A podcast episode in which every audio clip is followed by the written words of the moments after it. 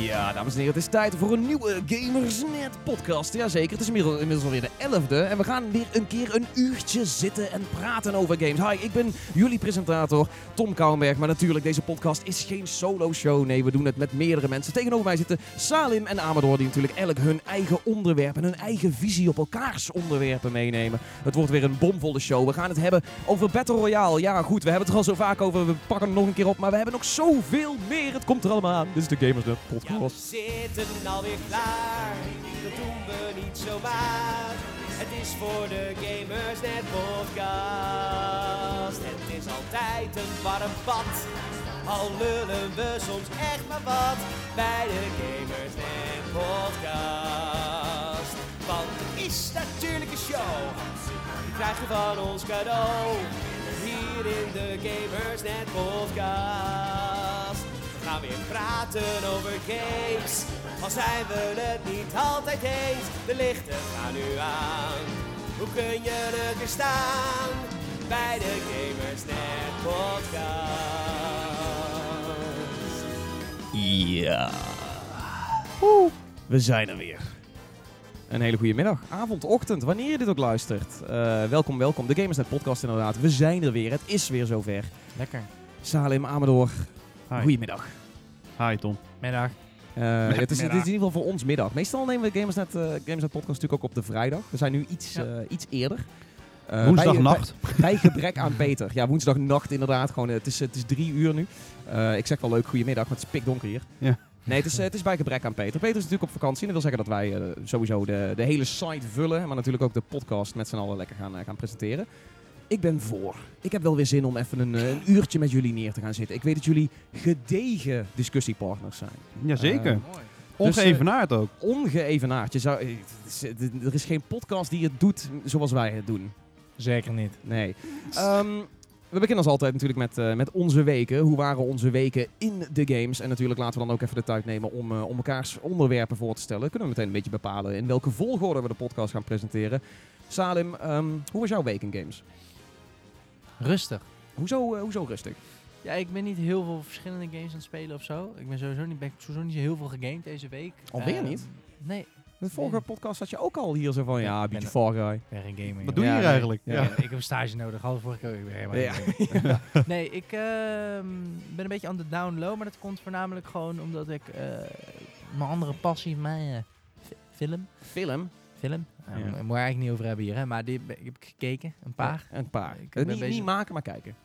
Ja, nou ja, ik heb ook wel films gemaakt, maar eh, Die vind je op Pornhub Inception bijvoorbeeld. bijvoorbeeld of eh, andere hits, noem eens wat, Nijntje, eindje. meegewerkt. Ja. Nee, maar eh, dus daar ben ik veel mee bezig geweest, veel gekeken, veel bezig geweest ook met video, gewoon dingen leren, dingen shit, leuk. En natuurlijk Gamersnet. Ehm, en in de tijd die ik had, eh Far Cry inderdaad nog steeds. Maar ja, weet je, Far Cry, die, de- zeker als je net zoals ik ben en niet 16 uur per dag dan gaat zitten spelen, kan je super lang met zo'n spel doen. Dus. Ja, nee, absoluut. Grote open wereld. Dat is natuurlijk Ja. ook wel de, de forte van open wereld games. Is dat je dat heel erg snel op kunt pakken, maar ook weer kunt laten liggen. En dan eh, kom je weer later een keer terug, je weer verder Yep. in die wereld. Ja, dat vind ik, bij, dat vind ik opvallend goed gaan bij Far Cry. Want soms je ook games, inderdaad, eh, bijvoorbeeld Assassin's Creed Oranges had ik zoiets van, die kan, die kan niet echt lekker oppakken. Ja, het laatste ook over dat eh, indie games zijn vaak van die, eh, die hebben vaak van die games die je even lekker oppakt en maar 10 minuutjes speelt bijvoorbeeld, vlak voordat je naar werk moet of iets. Dat is fijn. Maar dat, dat, is, dat vind ik bij veel games moi, maar bij Far Cry gaat het goed. Ja, je, je, Ja. je komt erin rond. Ik Ehm, kom erin rond. Ik kom nou, sowieso. nou ja, goed. eh, ja, lekker. Leuk in ieder geval. Ehm, wel- Ja. welk, welk onderwerp neem je vandaag mee? Ik wil het gaan hebben over of games niet te makkelijk worden. Dat heb je wel Oh. vaker gehoord natuurlijk. Ja, het, is een beetje, het is een beetje een gevoelig onderwerp. Want, ja, gaming is een relatief jong medium. En eh, vaak hoor je toch tegenwoordig wel van... Ja, die nieuwe games allemaal, dat is allemaal zo eh, cinematic. En die wordt allemaal lineair meegenomen. Is dat niet, quicktime events drukken. juist, is dat niet veel te makkelijk? Vroeger, oh, dan Oh, je 60.000 keer dood per minuut. Oh, maar, waren toen, toen- maar toen moest je nog ergens voor knokken. Ja, de goede oude, de goede oude tijd. Toen Ja. aten we nog dubbel. Ja, oh, dat is wel heel ver terug. Ja, dat, ja, dat is iets verder terug dan, eh, dan de Battletoads, denk ik. En de, de Jazz Jackrabbits van de wereld. Eh eh, hey Amador, hoe is, eh, hoe is jouw week in de games geweest? Ja. Of Eh, weken eigenlijk. Je, hebt natuurlijk, eh, je bent alweer een tijdje niet meer aangeschoven voor de Nee, podcast. nee, klopt. Nee, eh, druk mijn werk natuurlijk bij eh Netgame. Schaamteloos. Ja, schaamteloze even- even- even promotie. Consoles, games en randapparatuur. Netgame.nl. Vul de code Amador 2012 in. Om, eh, 2012, 2018. Zo wat kan wil- niet. Geen ja, ja, het is eh, een hele oude code van, van Amador. Ja.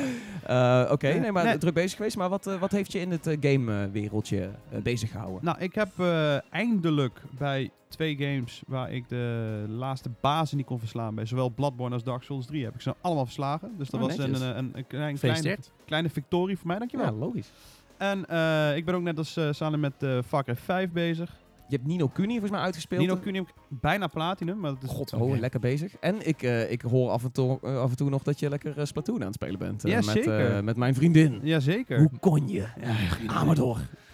Ja, ze- Splashinger. Oh, hey, zij, zij- zij zoekt contact met mij, het is niet andersom. Ja, nee, oh, ja, ja.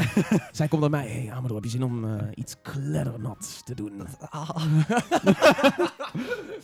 Ja, Eh, maar dus, eh, eh, ja, oké. ja, dat, ja. dat ook, ja. Ja, eh, druk qua games dan ook. Dus niet alleen gewoon in het, in het eh, dagelijks leven, maar ook gewoon met, eh, met de hoeveelheid spellen die eromheen Yes, ja, en eh, ook eh, nog lekker aan het review geweest met een beetje hardware. eh, Ja, leuk, man. Een keer een, eh, toetsenbord weer een review headsetje. Dus eh, ja, ik ben lekker druk. Ja. Lekker. ik vind ook leuk dat je ook zegt van, eh, ik heb dan net, weet je wel, eh, Dark Souls en Bloodborne uitgespeeld, terwijl, eh, terwijl Salem net begint, games zijn te makkelijk. Ja. Jij hebt drie jaar na dato, heb jij een eh, game, twee Ja, games uitgespeeld. ik heb ze ook echt, echt woedend een keer gewoon uitgezet en echt een twee maanden niet meer aangeraakt.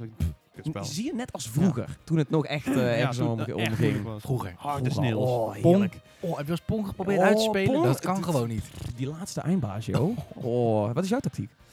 Ja, is je niet. Nee. Gewoon geluk, heel veel geluk. Gewoon heel Ja, veel geluk d- hebben. ja. inderdaad. Gewoon blijven proberen. Gewoon de controle laten liggen en iets anders gaan doen. Ja. ik denk dat dat bij Pong nog, je nog best wel ver brengt ook. Ehm, ik heb een, eh, ik heb een eh, leuke week gehad qua games. Ik zit alleen nog maar Into the Breach. ja. ik zit nog steeds Sea of Thieves. En ik, eh, Nice. ik, ik, ik was vandaag wat, wat later op de redactie. Omdat ik eh, in het midden van de nacht nog eh, PUBG aan het doen was. En Sea of Thieves met ontiegelijk veel kijkers. Ja. Vet. Het is leuk op Twitch de laatste tijd. Ja, Het is gezellig. eh, Het wordt steeds gezelliger en eh, de Discord bij ons wordt eh, netjes opgevuld. Ja, ja, ja ik, wat ik, dat merk ik wel. Discord is voor heel veel gamers iets wat ze nog een beetje afstandig houden. Zoiets van, ja, de, de- wat is dat nou? Huh? Is het een server? Is het een soort van Teamspeak? Voor mij is de helft van onze redactie er nog steeds allergisch voor. Nee, oh, ja, dus sowieso is, zit er bijna niemand van de redactie echt actief op Discord. Maar je merkt, je merkt het bij het Twitch-publiek wel dat, dat Discord wel echt een ding is. Bijna iedereen die, die actief Twitch-streams kijkt, eh, heeft zoiets van... Oh, heb je een Discord-server? Eh, gezellig. Ik kom even langs, lekker babbelen. Eh, ik vind dat mooi. is leuk. Mhm, Lekker gezellig. interactie.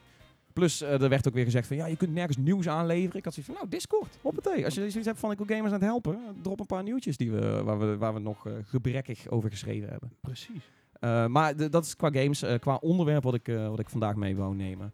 Uh, zat ik te denken toch aan het, uh, aan het Battle Royale genre, zoals ik al zei in de intro. Het is, uh, het is weer zo. Ja, er is weer een pareltje erop? uitgebracht, Ja, nou, ik vind het wel leuk dat, dat we de, de, de podcast is ook echt gekomen uh, toen uh, Peter en ik gewoon heel erg in de PUBG-vibe zaten. Dus we hebben al vaak hebben het over PlayerUnknown's Battlegrounds gehad. We hebben het al vaker gehad over wat er dit jaar gaat gebeuren met het Battle Royale genre.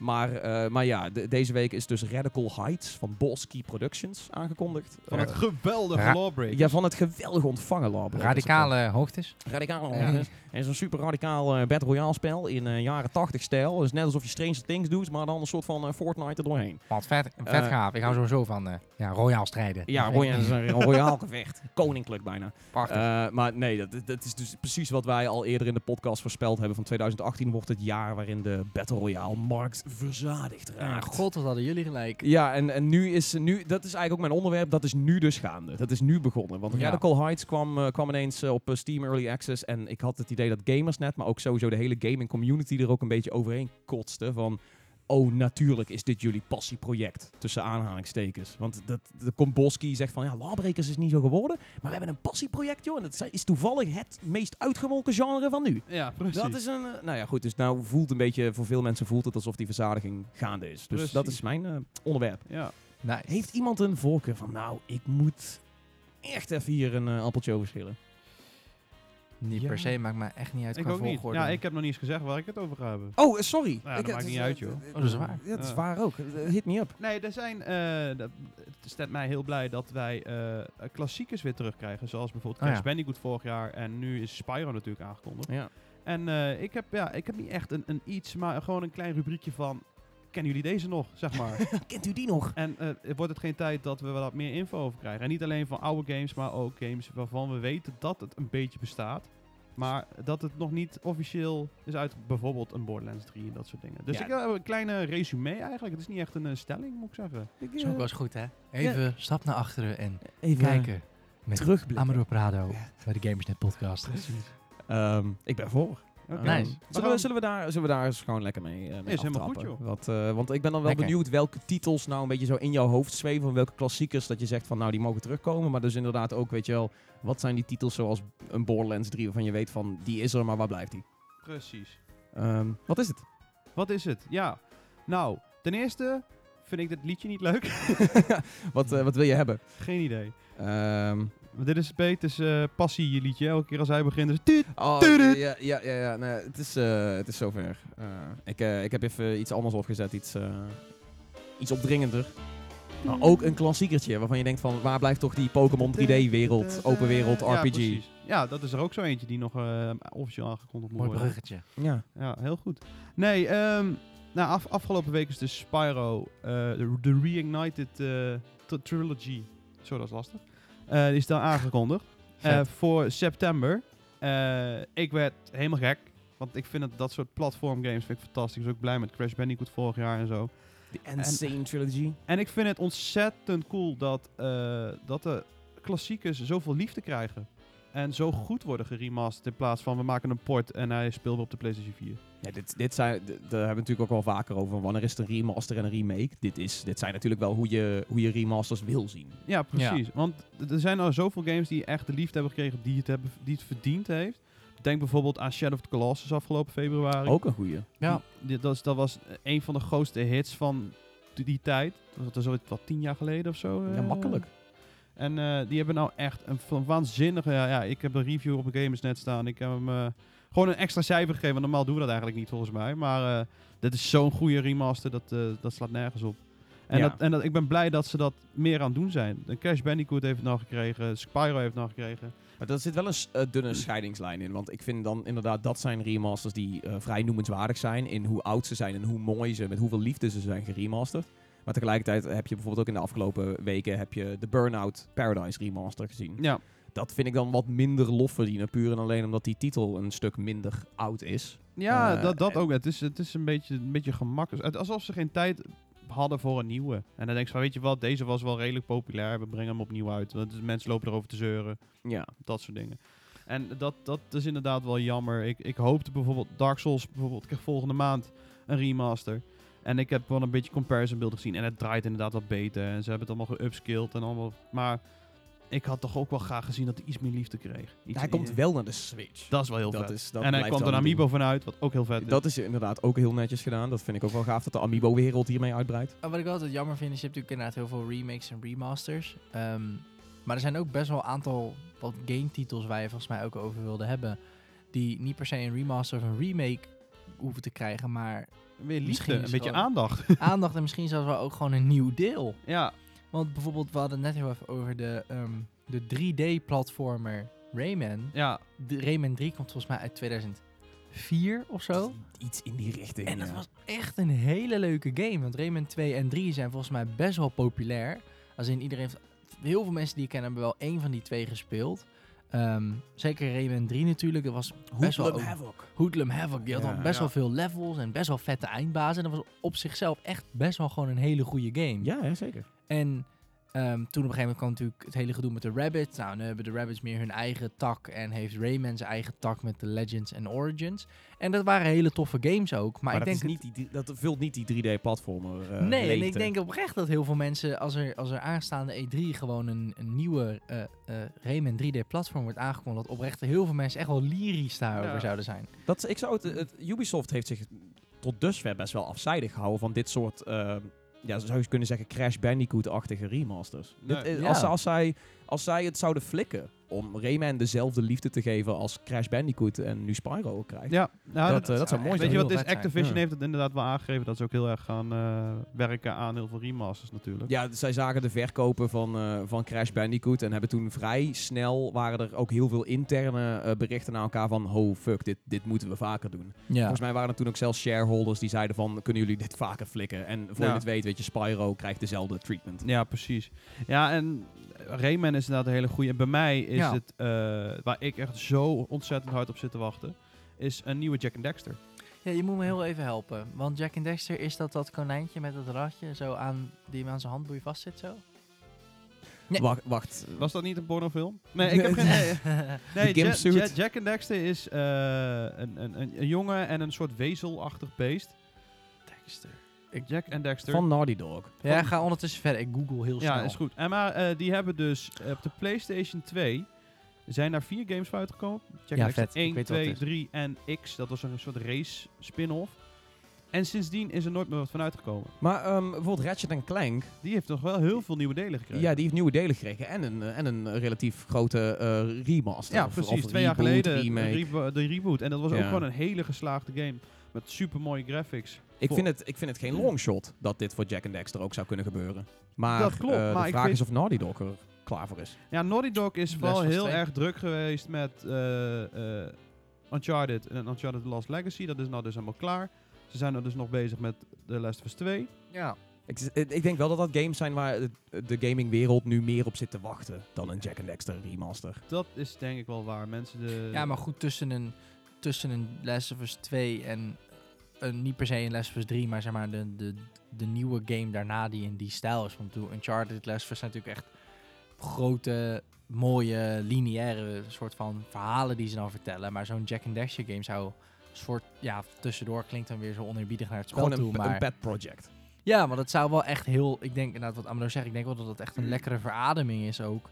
ehm, voor de PlayStation-speler. En nostalgie. Ja, maar Ja, de- dat ja, leeft. nostalgie. Ik, hoor- ik hoor Peter op de achtergrond al kotsen, zeg maar. zelf nostalgie wil. Maar eh, ja, inderdaad, dat wel. Eh, ik zit er echt persoonlijk al heel lang op te wachten. Jack and Dexter is ook gewoon een, een PlayStation mascotte eigenlijk. Ja, En net als een Ratchet boegbeeld. Clank. En Ratchet Clank heeft wel die liefde gekregen. En is een PlayStation, eh, op de PlayStation 3 ook heel veel games gekregen. En Jack and Dexter Ja. is gewoon na de PlayStation 2 helemaal stilgezet. En er is nooit meer wat van gekomen. En dat vind ik echt oprecht jammer. Ja, maar zo hoe Jack and Dexter dan de mascotte is van, van, van PlayStation... is Rayman dat wel echt van Ubisoft. Ja, ja Want precies. Rayman is echt... het- ja, ik weet niet. Ik vind dat wel echt een icoon van Ubisoft. Ja, maar wel alweer van een, van een andere generatie. Dat Ja. is van onze generatie. Kijk, nu, Zeker. nu groeien, eh, groeit iedereen in het gaminglandschap op met een beetje eh, Tom Clancy. En eh, de- ik denk dat de Rabbits voor Ubisoft nu een soort van groter stapel zijn van hun huidige visie dan Rayman Klopt. is. Maar Nee, eh, dat je. terugbrengen zou heel fraai zijn. Het zou wel, Ja. ja. het zou heel vet zijn. En- oh, nu ik over nadenken. Beyond Good and Evil. Ja, natuurlijk ook, eh, bezig, dus- ja. ja. dat Ja. is natuurlijk ook een, eh, een, een Ja. soort van oude game die ze toch wel weer terugbrengen. Geen remaster dan, maar juist iets mooiers, denk ik. Zijn ze afgelopen E3 natuurlijk hebben ze daarmee geknald op het eind. Ja, En dan denk ik dat ze dit jaar heel eerlijk gezegd op het einde gaan knallen met nieuwe Splinter Cell. Ja, ook, het zou... ook eh, met die Ghost Recon DLC. Ja, klopt, ja. Dat was, ze zijn wel aan het, aan het hint hoor. Ze zitten een beetje mijn ballen te teasen. ja, Ja, maar ze ja, zitten ja. wel op de Tom Clancy-trein. dat, Ja. dat, eh, dat is wel zeker. Ja? Want god, het is een tijd voor een nieuwe Splinter Cell. Ja, ja, ja, dat zeker. Ja, Blacklist was het goed. Ja. Vanochtend hadden wij het er inderdaad al over, toen Ja. we aan het wachten waren op Tom. Sorry, Ja. het is echt het is stream tot drie uur s'nachts. Maar Ja. eh, ja. Dat, je, dat jij inderdaad al eh, heel veel zin erin zou hebben. Ja, maar Blacklist was sowieso een hele goede game. Ik vond persoonlijk Conviction ook heel vet gedaan. Ehm, Is jouw avatar op Gamersnet niet Sam Fisher uit Mijn- Conviction? mijn avatar op GameSnet is Sam Fisher uit Conviction. ja. Inderdaad, ja, ja. Ja. met drie, Ja, dat die zegt al genoeg. drie van die laserlampjes zo op hem. Ja. ja. ja. Nee, ik ben enorm Splinter Cell fan. Ik ben sowieso best wel Ubisoft fan. Ehm, Nice. En ja, Far Cry is vet nu, maar ik vind Far Cry niet echt een Ubisoft staple. Natuurlijk ook omdat het eerste twee delen volgens mij van Crytek zijn. Ehm, In ieder geval het eerste deel is niet van het, Ubisoft. het, het eerste deel was niet van Ubisoft, het tweede wel. Plus Far Cry heeft natuurlijk niet echt een icoon. Omdat elk deel weer gewoon een eigen universum heeft met eigen antagonisten en verhalen. Ja, Ja. Het draait ook om de antagonist, niet om de Juist, protagonist. daarom. En Assassin's Creed is het natuurlijk wel best wel geworden. Mag ook wel. Zit ook al elf jaar in de, eh, onder In de running. Ja, dus dat is nu ook wel echt een icoon. Maar de echte iconen vind ik toch wel ook echt Sam Fisher en, en Rayman dan. Eh, en dat zijn echt de klassieke Ubisoft games die ik wel mis. Nee, ik, ik ben ook wel voor de terugkeer van, eh, van Sam Fisher. Maar ik ben nu Ja. ook aan het denken, eh, wat kan Microsoft betekenen in dit, in dit soort van eh, oude iconen terughalen landschap? Want kijk, het is ook alweer eventjes stil rondom de Master Chief. Halo, Halo 5 is, is nog steeds, wordt nog steeds geüpdate, maar waar blijft Halo 6? Eh, Gears Ja. of War ligt even een beetje stil. Er zijn best wel veel van die, van die nou, Fable. Eh, heeft Fable, ook ja. niet echt een, een vast icoon, maar Fable is- ook wel weer echt iets wat weer terug moet komen. ja, ja, Wat waarschijnlijk ook gaat gebeuren trouwens. Maar. Fable vind ik dan wel best wel een beetje à la Final Fantasy in de zin van dat dat spel wel echt heel veel kanten op kan. Ja, Waardoor je niet één vaste Ja, in. daarom. Nee.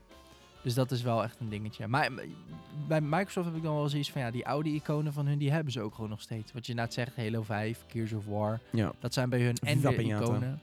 Nice. Ik wil een vi- nou, ik vond Viva Pinata echt heel vet. Ik vond Via Pinata is echt een van de beste soort van, ja, hoe, hoe kun je dat best noemen? Een soort van simu- ja, simulatie-game eigenlijk. I Soort don't van. know. Ja, ik, vond Via het Pinata, kom op. Echt heel leuk. Eh, Ik weet dat Rare moet heel hard gaan werken aan Sea of Thieves, maar please, als Sea of Thieves eenmaal gewoon goed en af is en er zit daadwerkelijk wat meer content in, dan eh Viva Pinata. Viva Pinata, make it happen. Ja, maar als dat weer als een launchtitel zou kunnen voor de nieuwe Xbox, uit, wat zou zijn, tweede- nu weer dan een gerucht, rond 2020 waarschijnlijk pas PlayStation 5 en een nieuwe Xbox.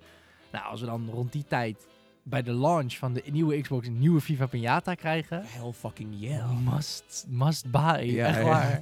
ik ook wel. maar waarschijnlijk komt het dan ook op PC, zit ik dan te denken, maar whatever. Ja, oké. Ja, Laten we eerst Sea of Thieves eh, uitbreiden. Eh Amador, je had, eh, je had ook nog een paar games waarvan je dacht van, waar, waar zijn die? ja, nou we hebben het over klassiekers waarvan we dus hopen dat, eh, laten we hopen op een E3 of zo. Maar het is misschien een beetje vroeg om het daar al over te hebben van wat gaan we verwachten daar. Maar er zijn dus ook een paar games, een paar titels geweest waar we wel soort van weten dat het bestaat, maar dat nooit echt officieel is aangekondigd. Of heel lang stil over is geweest. Ja, ik denk dat Borderlands 3 dan wel je prime example Ja. is. Ja. Borderlands 3, ik, eh, er zijn berichten geweest dat er een, een, een tech-demo is geweest voor pers en dat soort dingen. Oh.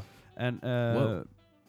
Alleen er zijn nooit echt beelden van naar buiten gekomen. Dus we weten dat ze ermee bezig zijn. Gear, eh, Gearbox en, en, eh, en 2K die zijn er niet eens meer eh geheimzinnig over. Dat zetten ze in een tweet neer. We zijn bezig met een game waar heel veel mensen op zitten te wachten. En dat er kan er maar één zijn. Evolve ja, 2. oh, ja. Evolve 2. Is dat van Gearbox? Nee, dat is niet van Gearbox, maar het is wel 2K. Ja, dat klopt, ja. Leek me gewoon een leuke soik.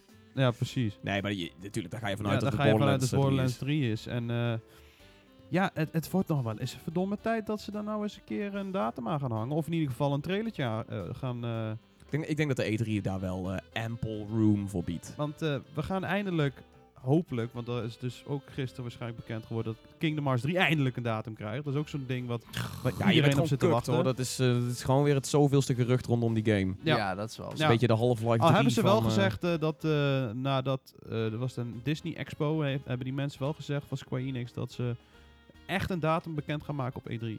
Oké, Dus dat, wel. zou heel fijn zijn. Want het laatste wat we natuurlijk kregen was gewoon Ja, 2018. 2018. Ja. Zo van, oh. Ja, En toen ging iedereen al wild voor alleen al een jaar. Hm. Ja, Hoe, hoeveelste jaar is het al dat ze dat hebben aangekondigd van dit... Van, want ze hebben volgens mij wel vaker gezegd late dit en vroeg Volgens dat. mij is die game echt al zes jaar geleden aangekondigd. Ja, maar ook echt, dat er ook, ze hebben ook al best wel vaak volgens mij aangekondigd van, dan is hij er. Ja, ja, ja, dat Eh, klopt. ja, en, eh, maar ik heb ook gelezen dat ze een, eh, halverwege de productie een keer een volledig nieuwe engine hebben gebruikt. Dat alles, alles weer opnieuw moest worden... Jongens, was leuk. Eh, Ja. Nu voor Techie. Ja, Maar het is, het, is, het is een Japanse ontwikkelaar, toch? Eh, voor zover ik weet Ja? is dat gewoon eh, Square, Dat is gewoon eh, Square. een in-house studio. Dus dat is Japans. Ja, ja, ja. Ja, maar dat is natuurlijk wel ook heel erg in hun cultuur. Dat is best wel long term. Kijk maar naar Final Ja. Fantasy 15 bijvoorbeeld. Kijk naar Final Ja. Fantasy 7. Ja. Ook nog eens een keer zo'n Ja, maar dat remaster is er ook eh, dus of een eentje, remake. inderdaad. Een remake van een klassieker. Die ook alweer werd aangekondigd. Publiek ontplofte. Twee, eh, 2015 of 2016 ja, en Eh, toen zeiden ze volgens mij ook in- over een jaar. En het is ook alweer tig keer uitgesteld. In Los Angeles gingen ze inderdaad helemaal uit een plaat. Ik ook Ja. thuis. Maar ja, ik, ik begin daar ook een beetje kriebels te krijgen dat dat een beetje kut gaat worden. ja, gezien de hoeveelheid uitstellen. Dat wil, Ja. niet, dat wil niet heel veel zeggen, maar het, nee, het maar wekt er zijn, ook, er zijn ook ge- geluiden dat ze het als een trilogie willen gaan uitbrengen en zo. Maar een, remas- een remake, dus een remaster van 7, maar dan als trilogie. maar dan als trilogie uitbrengen. ik krijg een beetje de Hobbit-vibe ervan. Ja, inderdaad. Weet je, het dunste boek dan alsnog opdelen in drie, eh, in, in drie films. en eh daar, daar zit ik niet op te wachten. nee, dat zou ik ook niet eh, zien zitten. Dan zit ik voor een game waar ik ooit een keer 60 euro of zus, ja, zoveel gulden heb betaald, zit ik nou drie keer 60 euro voor te betalen dan. of ze om doen het episodisch, in early access. Ja, daar ga ik, eh, daar ga ik erheen en dan ga ik ze allemaal stompen. Ze- 60 euro. Dat is 120 gulden, hè? Dat je Ja, het even rond weet. 20 gulden, ja. Niet normaal. Niet normaal. Nee, Eh, maar, dat maar, is maar inderdaad, dat, dat zijn inderdaad een paar games. Ook Dead Island 2 bijvoorbeeld. Eh, Dead Island 2 weet ik gewoon eh, dat dat gewoon volgens mij nog toen die game nog een soort van op de radar stond, was hij al drie keer van ontwikkelaar gewisseld. Ja. Ja. Dat was toen eh Jaeger, zat er een tijd lang op en Jaeger is er ook weer vanaf gehaald. Ja. En eh, het, het zit onder Koch. En Koch heeft natuurlijk nou ook weer allerlei sales en assets eh, eh, verkocht en dergelijke. Dus ik weet niet eens of, of Dead Island nog Ik- wel... Ja, of dat überhaupt nog wat ja, is. dat, ja. Is een, dat is een, net als die Duke Nukem Forever was dat volgens mij, die ook echt iets van 10 jaar in ontwikkeling Ja, was of zo. ook En van ook een aantal keer van ontwikkeling, ontwikkelaar was gewisseld volgens mij. Dat is uiteindelijk ook wel een beetje een... Ja, hij is wel uitgebracht dan, maar dat was wel Dit echt is ook een beetje een dood project uiteindelijk. Ja, dat is, ik, als, als ze nou op de E3 aankondigen, yo, Dead Island 2 komt er alsnog aan, heb, word ik er ook niet heel erg warm van. Of ze moeten echt een Nee. fantastische trailer hebben. En Nou zelfs ja, als ze een fantastische trailer hebben, dan ga ik juist weer flashbacks krijgen naar de eerste Dead Island. Ja, ja, of Ja. de eerste trailer van Dead Island 2. Ja. want die was ook super vet. ja, ja. de met about to blow up. Ja, Zo- die is zo Die hardloper, ja, dat was vet. Ja, dat, was, dat was sterk gedaan. Inderdaad. Ja, er er zijn nog een aantal van die, van die titels die rondzweven. Waarvan ik dus echt hoop dat er wat mee gedaan gaat worden. Weet je. Eh, eh, nou, vergeten is hij niet. Maar we hebben Dark, Darksiders 3 is een half jaar geleden een trailer van verschenen. Ja, gameplay en dergelijke, En best wel veel ook. Ja, en sindsdien is het nog weer een beetje stil gebleven. Oké, dit is... ehm, eh, dit vind ik ook een goeie dat je dat zegt, want eh, nou zit ik ook weer in... Ja, maar dat is misschien omdat THQ nou ook eh, weer terug is. Ja, dat dat is dat THQ Nordic is natuurlijk nou echt gewoon eigenlijk THQ weer aan het worden. Ja. En, en volgens mij hebben die Darksiders nu ook weer onder zich. Dus daar is misschien ook in het management het een en dat ander verschoven. Ik zit alleen wel te denken van, wat is nou de game die ergens dan nog zweeft in het achterhoofd, waar je het meest op zit te wachten? Ja, ja, ja, ja. Dan wil ik er zo ook eentje van jou, Salem. Och, dat is echt een hele goeie. Nou ja, eh, persoonlijk heb ik er niet zoveel eh, mee. Maar dat is ook in dezelfde persconferentie van PlayStation. Dat was echt vlak nadat ze de remake van Final Fantasy 7 hebben aangekondigd. Dat, dat er een Kickstarter van Shenmue 3 werd aangezet. Oh joh, dat is er ook eentje. En daar ja. is ook echt, echt jaren niks van. Maar heel af en toe een keer een updateje en een paar screenshots. Sorry, we zijn zo ver. Maar ik vond dat de raarste aankondiging ik ooit vond dat trouwens. zo raar inderdaad. dat is echt van, Shenmue 3 Kickstarter. komt eraan. Als jullie ons geld geven. Ja. Zo, eh, wacht, wat? Dit is niet hoe we E3-persconferenties runnen. Ja, Jezus. precies. Dat was echt super weird. Maar die, daar zijn wel al verschillende eh, in- in-engine dingetjes van verschenen. En het gaat er prachtig uitzien. Maar inderdaad, het is er ook eentje die nou weer een beetje weer op de backlog... Ja, eh, het is een beetje zo aan de rond zweven. Dus, dat zijn een paar van die games waarvan je dus hoopt dat, dat ze wat doen met de E3. Want bij de E3 denken heel veel mensen dus alleen in die persconferenties. Dus dan denk je aan de games van Ubisoft en EA en dat soort dingen. Dus dan vraag je je af waar, wanneer een game van bijvoorbeeld 2K wordt aangekondigd. Bij welke, bij welke show zal dat zijn? Of doen ze ja, dat een wie, beetje wie op de het geld inlegt. Ja, precies. Dus dat zijn van die titels waarvan je nooit zeker weet of ze aangekondigd gaan worden in zo'n persconferentie. Nou, bij Shenmue 3 zou E3 wel een mooi moment zijn bij Sony natuurlijk. ja, bij. Sony, want daar hebben ze ook die Kickstarter Ja, precies. Ja. En ehm, voor de rest, zwevende titels, heb, ja, ik weet het zo. Maar ik vind Shenmue 3 wel een goeie, want ik was ik dus ook alweer helemaal vergeten. Ja. Omdat die zo op de backlog staat. Ja, precies. Lijkt het dan in ieder geval. Salem. Viva Pinata 3. Make it happen. Everybody, make it happen. Viva Piata 3. Nee, ehm, ik weet niet of mensen dat nog weten. Mhm. Maar eh, de eerste concepten en de eerste beta van eh, Rayman 4 ja. Mhm. Ja. was een 3D-platformer in een soort van open world-achtig iets, waarin je die konijntjes dus zeg maar helemaal kapot moest slaan. En dat was soort van de, dat waren de enemies. Oh. En het idee was volgens mij ook een beetje à la ehm, Hyrule Warriors, zeg maar, dat je dan echt hordes en hordes van die Oh. konijntjes op je af kon krijgen. Ja. Vind ik helemaal niks. Vind ik echt helemaal niks. Vind- nee? Nee, ja, maar maar dat- Warriors kon ik echt helemaal gereden. Maar-. Oké, nee, Dit is toch uiteindelijk veranderd in Raving Rabbits? Juist, het Ja. was in eerste instantie Rayman 4 Raving Rabbits. Toen werd het uiteindelijk gewoon Rayman Raving Rabbits. Ja, spin-off meer. Ja, en dat was meer natuurlijk gewoon een soort van minigames. maar Waarin je wel als Rayman speelde. Maar het ging in principe natuurlijk om het verslaan van die konijntjes. Met zo'n zuignappistool. En Ja. eh, je moest ze Op de Wii. Op de Wii. En je moet de beweging en de dansen natuurlijk. Van dat je dan konijntjes van links en rechts kreeg. En dat was uiteindelijk gewoon wel een, een, een guitig spelletje. Dat was een soort, ja, de Ubisoft variant van Mario Party zou ik zeggen, ish. Ja. Ehm, maar het had ook een soort van campaign. Het was een beetje raar. Nou, dus uiteindelijk natuurlijk zijn die hele rabbits eruit gegroeid. Eh, maar ik zou echt heel graag die game gewoon nog willen zien. En ik weet, de kans is echt 0.0. Want die rabbits die zijn nu helemaal een eigen ding. En hoeft ook niet per se met konijntjes. Maar, gewoon een Rayman 4. wil je Eh, ja, een opvolger van. Want ah, de, de, dat groene eh veetje van jou wat dan bij je vliegt in Rayman. Ehm, je hebt Glowbox en Murphy heet die. Murphy, ja. Die zegt op een gegeven moment ook in Rayman 3. En als je de tutorial hebt afgerond, gaat hij altijd weg. Mhm. En dan zegt hij ook, see you in Rayman 4. Nou, dat breekt gewoon mijn hart. Want Rayman 4 is er gewoon nooit gekomen. Maar nu het hebt over een Ubisoft game, dan zit ik ook weer te denken aan een titel die ze, die ze vorig jaar hebben aangekondigd. Skull and Bones. Daar hebben we ook helemaal niks meer van gehoord. Nee, maar dat was ook dat was een eh, desastreuze eh, E3 preview, had ik gehoord. Eh, Peter is die game gaan checken en was er best wel hype voor, maar dacht, oh, dit, dit is echt alpha, alpha, alpha. Ja? En dan ja. de, de opzet is echt Assassin's Creed 4 Black Flag, maar dan die schepen tegen elkaar. Ja, minus Assassin's Creed. Ja, precies. Ja, Wat volgens mij heel veel mensen, dat vond Peter er ook tof aan, maar wat hij ervan zag was echt zo van, mm, ja, nee, ik ga wel Sea of Thieves spelen. Ah, Oké, Ja. Ehm, Nee, want je kan heel, natuurlijk heel veel met die Assassin's Creed 4 engine. Als je dat zeg maar verder uitbreidt, kan Het je heel concept veel is echt heel tof hoor. Ik vind het concept echt heel tof. Ja, Maar- maar, als je alleen maar met boten tegen elkaar kan schieten, ik weet niet. Ben ja, niet multiplayer fan only. Ja, krijgt dan waarschijnlijk op, op aanvraag weer een singleplayer, maar dan zo eentje als For Honor. Van ja, we hebben maar ingefrold omdat mensen erom zeurden. Ja, daarom. Heb jij nog een titel? Ja. ik, zit, eh, ik heb het al een keer eerder met de podcast eh verklapt, maar ik ben wel heel erg voor de terugkeer van Skate. Eh, en Oh, daar zijn, er ja. ook, daar zijn natuurlijk ook al best wel veel eh, insider geruchten. Ja, en Ja, ja, voor een Skate 4. Maar ik, ik ben ook ook wel eh, de terugkeer van Fable hoop ik wel heel erg op. En daar Ja. hebben we ook al de geruchten van dat natuurlijk eh, Playground Games van Forza Horizon bezig is met een Fable. Ja. Dus, eh, dat, zijn, dat zijn wel twee, twee Ja, dingen die een beetje daar zweven. Dat ik denk van, die mogen Ja, wel nog- meer vorm krijgen. Ik heb nog Ja. één, één, één titel in mijn hoofd, dat gaat nooit gebeuren, maar ik hoop het zo een keer. Nieuwe Brutal Legend.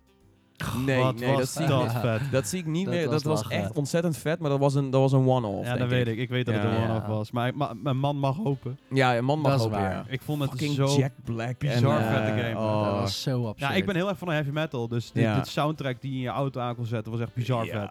En Ja. gewoon al die legendes erin. Nou, Weet je wel, Ozzy. Lemmy. Le Ozzy was... You got some demon flesh on your bumper? Ja. en, en dan gewoon fucking Lemmy. Gewoon echt... God hebben ze ziel. Ja, God hebben ze Ja, gezien hoe, heet die, inderdaad, ja. hoe heet die film nou, waar dat nou, niet per se op gebaseerd is, maar wel heel veel van weggeeft. Ook met Jack Black. Eh, Pick, The of, Pick of Destiny. Destiny. Ja, ja. Wat is dat fucking goed. Ah, Er zitten, er zitten, er zitten best wel eh, directe eh, references naar Tenacious D. En volgens mij had Tenacious D ook één nummer op de soundtrack, geloof ik. Ja, klopt. Ja. Ja, nou dat is natuurlijk Master logisch. Exploder stond erop. Yo, dat was netjes. Ja, en, en Carl Gas zat natuurlijk ook in de... Echt Ja. heel erg ondergestoken in het verhaal. Met zo'n kleine hoofd. En zo'n enorme- grote kanongozer was het mij. Super. Die ik vond het RTS-segment wel wat minder. Maar Ja, de, de premise van de game en de setting was, was gewoon hilarisch vet. Echt goed. Ja. Man mag hopen. Ik weet dat het niet gaat gebeuren, maar... Beste collectibles ooit Ja. trouwens. Van die, eh, van die eh, standbeelden van engelen, maar dan met een balgag in hun mond. Ja, Ja, dat, was, eh, dat waren de collectibles. Dat je dan al die balgags moest ja. vinden. Echt zo bizar. Ja, dat, dat- die game. Ja, Ja. nee, dat is, die, die- dat, is, dat is inderdaad een gevalletje nee, gaat niet gebeuren, maar een man mag dromen inderdaad. maar een man mag dromen. Inderdaad. Ehm, Half-Life 3. Nee. eh, nou ja, d- dat is dus echt de, de game waarvan we weten dat hij niet gaat verschijnen. Nee. Nee. Praktisch. Al ging Steam, of eh, Steam, Val- Valve ging toch wel weer games ontwikkelen? Ja, ze hebben ze wel weer mensen, zijn wel assets weer aan aan het nemen. Ja, maar en ze zitten natuurlijk ook nog in Dota en zitten in Counter-Strike, maar dat is wel meer e-sports gerelateerd. Ja, precies. Maar goed, verdienen ze goud geld aan, dus waarom een half uit Dat drie maken? zeker. Dat is natuurlijk het, de goudmijn van e-sports games. Want CSGO bestaat volgens mij al jaren. Ja. En je blijft eraan verdienen. ja, Dota doet het ook nog steeds fantastisch. Kijk Ja. naar die International en zo. Bizar. Precies. Cool. Ik denk Mooi ik, onderwerp. eh, Ik, Ik, denk, eh, ja. ja. Ik heb ook een soort van flashback van, oh ja, die game. Oh ja, die game. Ja, echt. Is- Oh my god, waar is die Als je game? na, Ja. na zit te denken over heel veel van die, van die persconferenties, vooral op E3, dan heeft driekwart van al die, al die ontwikkelaars, die hebben hem echt een beetje staan lullen. En bijvoorbeeld een PlayStation en een Ubisoft die dan met, eh, met titels komen waarvan je waarschijnlijk nooit meer wat van gaat horen of heel laat pas. Ja. En dat is wel een beetje zonde als je erover nadenkt, maar kunt niet alles hebben. je kunt niet alles Ja, hebben. Dus uh, of War over eh, twee weken, dus ik ben helemaal blij. Of over een week bedoel ik al. netjes. Ehm, Salem, zullen we door eh, naar jouw onderwerp? Ja. Ehm, Ik, eh, wacht, zal ik een, wil je een ander deuntje even in de tussentijd? Ja, dan, mag je meteen, daarna mag je een heel betoog houden en dan gaan we erop Ja. reageren. Mooi man. Het is net de, net de hot coffee show, maar dan lang. Dat is letterlijk een, een citaat van een luisteraar, geloof ik. Lijkt het ook al. ja, Alleen maar ehm, drie mensen ook. Ja. Ik, eh, ik, ik ga lekker even iets opzetten. We zijn zo weer terug. Ja.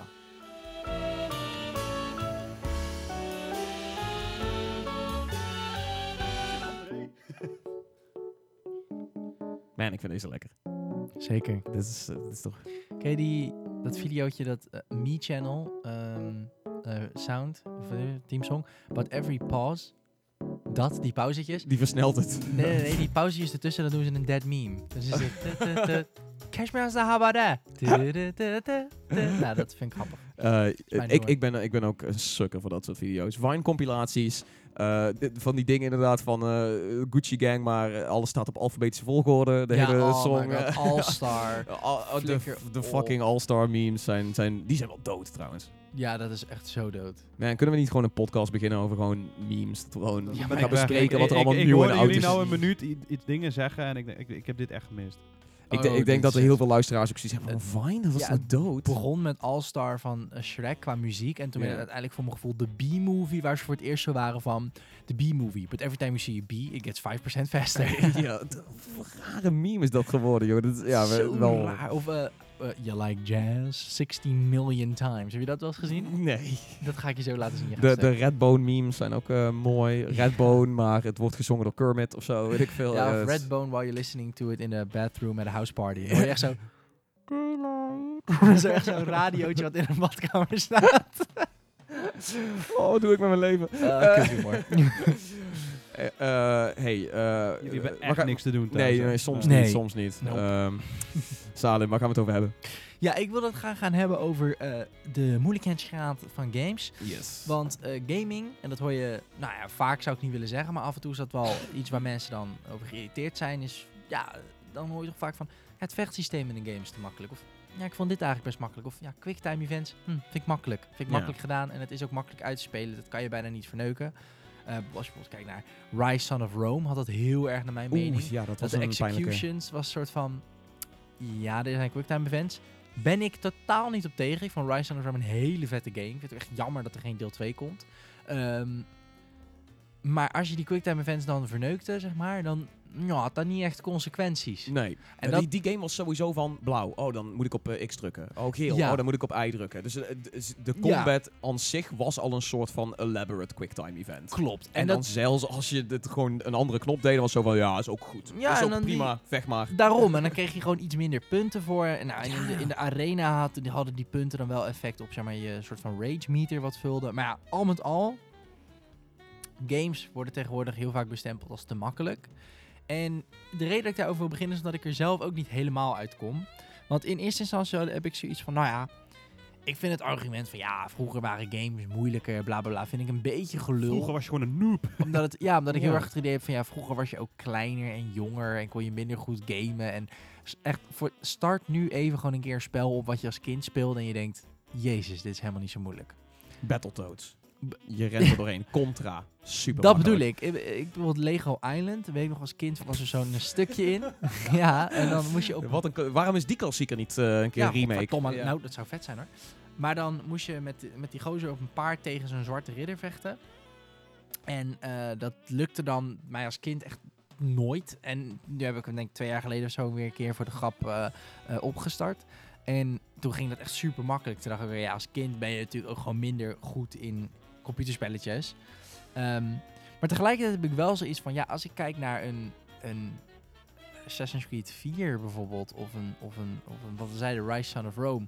Rise Son of Rome heb ik op de Legendary Difficulty, wat dan de meest moeilijke moeilijkheidsgraad is.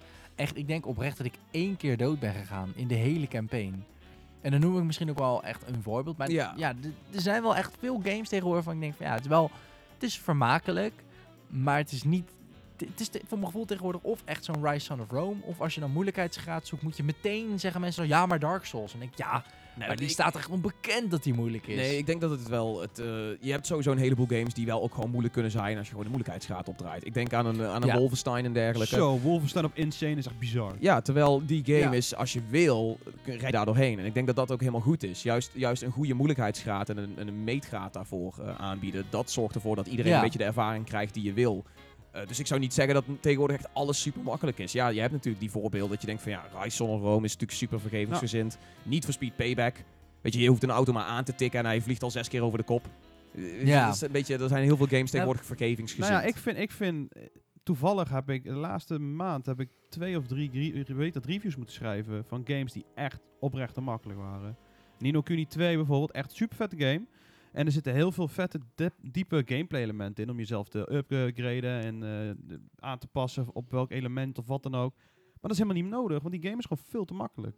Ja, is, dat, is dat niet gewoon een soort van eh, optimal eh, speelmanier? Is het niet gewoon dat, omdat je bepaalde eh, upgrades en, en dergelijke Nee, hebt maar als voorbeeld, skill de, trees? de, de laatste baas, de eindbaas, ik ga niet te veel spoilen, maar die is level 82 of zoiets. Ik heb met level 70 verslagen. Hmm. Ja, maar dat is ook een beetje een ding. Ehm, En dan ook gewoon zonder enige moeite. En niet met die tweaker bezig zijn geweest van, eh, oh, ik moet dit en dit upgraden. Het is echt gewoon er doorheen blazen. Bij Kirby ook precies hetzelfde. Had ik 168 levens over na de campaign. maar, maar jullie noemen nu inderdaad wel echt twee, denk ik, hele belangrijke dingen die heel veel een rol in spelen. Is eerst, jij noemt die optical game ding. Of optimal. En optimal Oh, ja. mode shit. Daar denk ik van ja, maar dat is echt een symptoom van ontwikkelaars die gewoon onnodig RPG-elementen in hun game willen proppen, omdat dat tegenwoordig populair is. Zodra een ontwikkelaar dat gaat doen die er eigenlijk geen verstand van heeft, dan gaat dat fout. Kijk naar Assassin's Creed Origins. Je hebt in Assassin's Creed Origins, dat is dan even nu dit beste voorbeeld, dat vind ik echt zo'n game die dan nog heel erg RPG in de kinderschoenen in de serie heeft staan. Want daarvoor hadden ze dat niet zoveel als in dit deel dan. Mhm. Qua perks en shit. En qua level. Ehm, maar je merkt gewoon heel erg in Assassin's Creed, ja... Oké, jullie hebben iets van drie perk trees. Maar in principe zijn er gewoon een aantal perkjes. Als je die pakt, dan ben je al echt fucking sterk. Je hebt, op een gegeven moment heb je een perk... ehm, dat je adrenalinemeter, waardoor je dus een insta-kill kan maken, automatisch vol is op het moment dat jij in conflict gaat. Dus op het moment dat jij guards tegenkomt. eh, laat ik zo zeggen, als je een aantal perks hebt, kan je sneaken, waardoor je iemand kan hidden bladen. Daardoor, als je iemand al met je hidden blade hebt gekild, kan je Ja. chainen door een throwing knife naar iemand anders te gooien. Dan zien ze je, is je adrenalinemeter vol, insta-kill je iemand en heb je weer een knopje om nog een keer te rijgen. Waardoor je sowieso, op het moment dat je gesnapt bent, al vier man dood kan hebben. Maar dat is die optimal playing style. Dat is met gewoon twee van, perks. Er zijn, er zijn een aantal combo's die je kunt maken. En ik denk dat heel veel games dat tegenwoordig hebben. Eh, als je ook denkt aan Ja. een Shadow of War bijvoorbeeld, kun je dat ook zo van, oh, als ik die en die en die skills combineer, dan kan ik een, kan ik een manier maken waarop het Ja, conflict een heel stuk makkelijker wordt. Maar dat vind ik dus jammer als daar maar één manier van is. Omdat ik zoiets heb van bij echt een dik RPG-bot bij een, in een Elder Scrolls-serie. Dat is natuurlijk wel echt de game die ervoor gemaakt is. In echt een goede RPG merk je dat... Tuurlijk zijn er speelstijlen waardoor jij eh, heel veel kills kan maken of waardoor het makkelijker wordt. Maar er zijn wel iets van vijf, zes verschillende manieren om veel kills te kunnen maken. Als Ja. in, je kan magier worden, je kan warrior worden, je kan thief worden. En die hebben allemaal hun eigen voordelen. Maar nog belangrijker, ook nadelen. Je, moet- je hebt ook compromissen die je moet sluiten. En dat ja, als je mis het ik ene wel heel goed kan, kan je het andere weer niet. Ja. Exact. En bij Assassin's Creed, om dan als voorbeeld te gebruiken, merk je dat, merkte ik dat wel echt een stuk minder. Dat ik dacht, ja, De balans is er gewoon niet zo. juist, er zijn een aantal perks die zijn gewoon, die zou je alleen maar kopen omdat het gewoon leuk is. Maar er zijn een aantal die moet je gewoon hebben, anders dan is het spel gewoon een stuk moeilijker. En dan moet je het voor jezelf moeilijker gaan maken. En dat vind ik een beetje... eh, Ja, eigenlijk moet de game moet die handvaten zelf al Ja, bieden. Van, een- dit is de makkelijke route, dit is ook de moeilijke route. En hier zit precies tussenin wat jij wil. Exact. Ja. En wat er ook bij komt, eh, wat, wat, wat Amador net zegt, dat jij dan een eindbaas in Nino Kuni verslaat terwijl je er echt 12 levels onder zit. Dat merk je ook in heel veel, steeds meer games die dan dat soort RPG-elementen zomaar adopteren. Ehm, in Assassin's Creed, als jij ook een beetje sidequests doet en weet ik veel wat allemaal, je, je glijdt gewoon door die levels heen en je hebt eigenlijk nooit echt in een gebied dat je denkt, oh, deze gasten zijn echt veel te hoog level. Want dat was natuurlijk wel hun premise van ja, voor sommige gebieden die zijn al level 40, nou dan moet je wel echt goede gear hebben, bla bla. Maar dan wordt je zo aangeboden en het, wordt het, het komt zo op je pad. Dat je nooit echt iets hebt van, oké, nu gaan we een moeilijkere area in. Ik moet wel echt even een andere boog gaan halen. Of ik moet nu wel echt meer sneaky of meer tactisch dit kampement pakken. Het is eigenlijk gewoon net als in het eerste area, net zo moeilijk. Omdat jij gewoon echt bijna geleidelijk meegroeit met je enemies. En dan denk ik, ja, dan heeft het dat level is- systeem En, en geen dat zin. heeft en Nino, Ja. nee, Nino Kuni heeft dat ook heel erg. ja, dan heeft je het krijgt, level je systeem krijgt geen die, zin. die, eh, op een gegeven moment eh, dan merk je inderdaad dat er met wat eh, sterkere vijanden zitten. En dan kijk je toevallig even tussen je wapens wat je hebt opgepakt, per ongeluk. Oh, oké, dit is al ietsje beter. Ze- Ik wip je, hup, je bent klaar. Ja, Niks dat, aan de dat, en in, in de Elder Scrolls Online en, en ook in Skyrim eh, heb ik, beide games heb ik super veel gespeeld. Merk je gewoon heel erg van, oké, ik ga nu met zwaarden, ik ga one-handed weapons. En natuurlijk ook het briljante systeem dat die skill dan ook omhoog gaat in die game, daar is over nagedacht. Heb ik zoiets van, ik zeg niet dat Assassin's Creed het zo hoeft te doen, want ja, het is geen RPG-game. Maar maak het dan op een andere manier moeilijk. Eh, Ja. Gooi wat meer, want ja, het combat systeem zou ook iets moeilijker moeten zijn. Nou, dat valt ook echt reuze mee. Ik vind hem gewoon wel fijner. Ik vind hem Ja, leuker. tuurlijk. Het, het, is ook, het doet ook zeker niet af aan het plezier van de game, want zo'n game is nog steeds heel vet. Alleen, heb tegenwoordig een beetje het idee dat moeilijk betekent tegenwoordig dat je vaak doodgaat, want dat is moeilijk. En dat je... Mm, ja, dat, nee, ik denk dat dat wel anders ligt. Ik denk, je moet bijvoorbeeld, als jij een Assassin's Creed speelt en je hebt zoiets van, ik dik dit, maar de balans is off en ik wil het eigenlijk net iets pittiger hebben. Ik denk dat je dan moet kijken naar games als The Witcher. Waar, eh, waar Assassin's Creed Origins heel veel eh Van beats van, van Ja. leent inderdaad. Ja. En dus krijg je wel ongeveer dat, weet je, je krijgt ongeveer dezelfde combat. Je krijgt ook dat soort skill trees en dergelijke. Je krijgt ook dat van, oh, ik moet een beetje tweaken met mijn wapens en mijn, eh, en mijn, en mijn inventory en dergelijke. Maar dan Ja. gewoon iets, iets beter gebalanceerd, omdat ze dat gewoon meer hun ding is. Ja, nee, dat ben ik wel met je eens. The Witcher is dan inderdaad wel zo'n game die dat dan, dat dan beter doet. Ik zeg ook niet dat dat soort games helemaal niet meer bestaan. Ehm, alleen je, je, merkt moet, je moet ze wel zoeken. De Ja. mainstream games zijn tegenwoordig ook wel heel erg voor de mainstream Ja. gamer. Als in, weet je, kijk, een Star Wars Battlefront 1 campaign, of eh, Battlefront 2 campaign is ook echt van... eh, EA wist daarbij van, oh, dit gaat waarschijnlijk veel door huisvaders gespeeld worden die zoiets hebben van, oh, Star Wars, spelletje. Ja, dat wil ik wel een keer proberen. Ja, en dan, dan merk je dat ook in de campaign, dat dat gewoon, dat neemt je aan het handje en zegt, hier, eh, raas er maar even doorheen. Ja, en en dat- ik denk, die games heb je veel tegenwoordig. Ja, en ik, tuurlijk, ik, het is meer een soort van, ik heb het gevoel dat ontwikkelaars dat wel horen van fans. Dat, want ja, bijvoorbeeld in Assassin's Creed 4 ehm, was ook veel klachten over dat de combat te makkelijk zou zijn. En dat is, geldt natuurlijk ook voor Rise en dat soort games, werd daarover geklaagd. Alleen dan, eh, laat ik zo zeggen, het is wel echt een kunst om een game ook echt fijn uitdagend te maken. Want En dat is een smaakkwestie. Want eh, iedereen Ja. heeft, die, heeft die lijn weer ergens anders liggen. Dat sowieso. In, het is natuurlijk moeilijk omdat de, de, ja, de, de, de vaardigheid van games natuurlijk ook echt wel heel erg verschilt. En dat was ook een ander puntje, denk ik. Gaming is natuurlijk een heel jong medium. Dus ik denk ook oprecht dat wij als gamers in de afgelopen 15 jaar ook alweer heel erg gegroeid zijn. Want ik denk als je games Ja. kijkt naar nu en vroeger zijn wel echt een stuk gecompliceerder. Niet eens per se maar qua uitdaging, maar gewoon als je even bedenkt, gewoon een Bolt en Far Cry. Je wordt gewoon in een wereld gedropt en ga maar een kant op lopen. Of eh, wat je zegt, een Witcher, waar je gewoon ook wel echt veel over moet inlezen. Oké, dit zwaard is voor monsters, dit zwaard is voor mensen. eh, je moet hierop letten. Dit is, Ja. Snap je wat ik bedoel? Het is complex geworden. ja, Maar tegelijkertijd, omdat eh, de laatste tijd natuurlijk de gamingmarkt is gegroeid, zie je ook dat we hebben meer genres. En als jij een ervaren gamer bent, dan ben je ook soms ervaren in een genre. ja. Dus als jij al een beetje bekend bent met eh, het type Far Cry spel, dan ben jij niet meer, als ze jou droppen in Far Cry 5, ben je niet meer verdwaald. Je weet meteen van, oh oké, dus zo zou het wel werken met de skill tree, zo werkt het met de wapens, zo True. werkt het met valuta verdienen.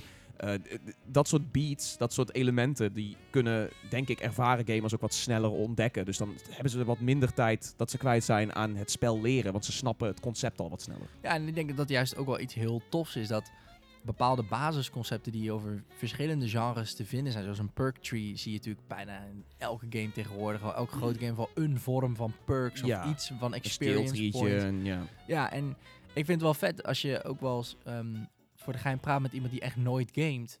Die staat echt versteld van hoe gecompliceerd echt de hele bekende games eigenlijk al zijn. ja. En dat vind ik op zich best wel heel erg vet. Dat wij als gamers daar wel heel erg in groeien. Waardoor wij waardoor de ontwikkelaar ook eh, sneller een moeilijkere game durft te maken zonder Ja. te veel publiek te verliezen. Want ja, want, een- want we kennen het concept, we kennen Ja. het spel, we kennen de premise. eh, en we kunnen een beetje gamen. Tenminste, hoop ik. Ja, dat, dat, is, dat is het natuurlijk wel. Dat is natuurlijk iets wat het medium gaming meer heeft dan, dan, dan andere, dan film of muziek. Dat, je moet het ook echt kunnen. Er zit ook een bepaalde vaardigheid achter. Game Maar is een je- kunst. Dat is een Niet, kunst. niet alleen games zijn kunst, maar ook het gamen is een kunst. Het gamen. Nee, maar de eerste heel, wel heel zo. Want je kan natuurlijk, natuurlijk bij film en muziek heb je ook al van... ja, maak ik het wat gecompliceerder voor de luisteraar of de kijker. Maar Ja. bij games inderdaad, wat jij ook zegt... Zo iemand als Battlefront, zoals EA, die moeten wel echt rekening mee houden van... oeh, we kunnen dit gewoon oprecht niet te moeilijk maken. Anders verliezen we gewoon potentiële afnemers. Ja. Nee, dat dat, is- wel echt een Dat is dingetje. natuurlijk lastig. Maar wat, bestemp, wa- wat bestempel je nou nog als een moeilijke game? Buiten Dark Souls en zo, want dat kennen we allemaal wel.